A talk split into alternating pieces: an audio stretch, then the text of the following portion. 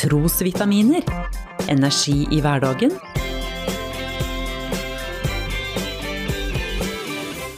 Ved Norea-pastor Svein Anton Hansen. Igjen så var ukedagen kommet, og vi guttene vi kasta oss på syklene. Vi satte kursen mot Reidar sitt hus. Den godt voksne mann samla flere gutter i kjelleren til guttelag. Etter ei stund med hammer, sag og pussepapir var det tid for andakt.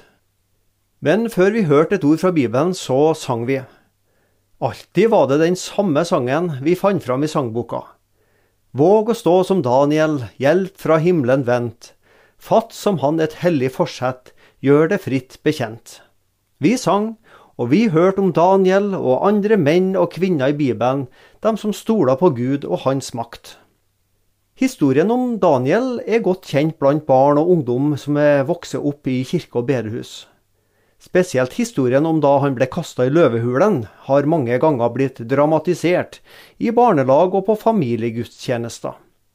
Daniel var bortført fra jødeland til Babylon.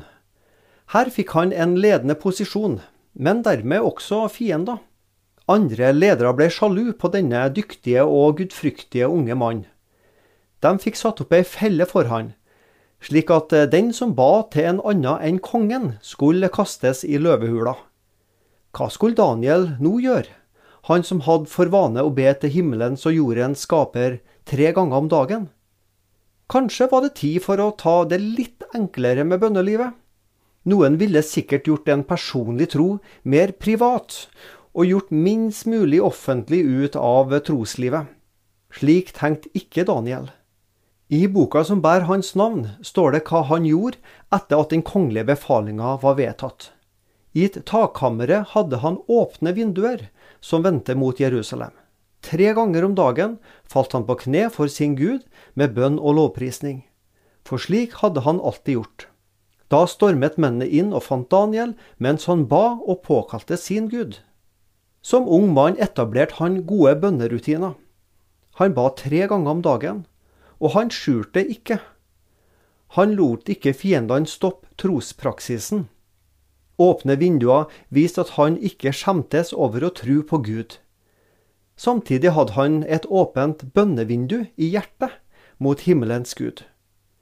I motgangstida må ikke vi som er kristne trekke oss tilbake og holde lav profil. Våg å stå som Daniel, ja, men også våg å be som Daniel. Du har lyttet til Trosvitaminer med Norea-pastor Svein Anton Hansen. Du finner trosvitaminer på noreapastoren.no.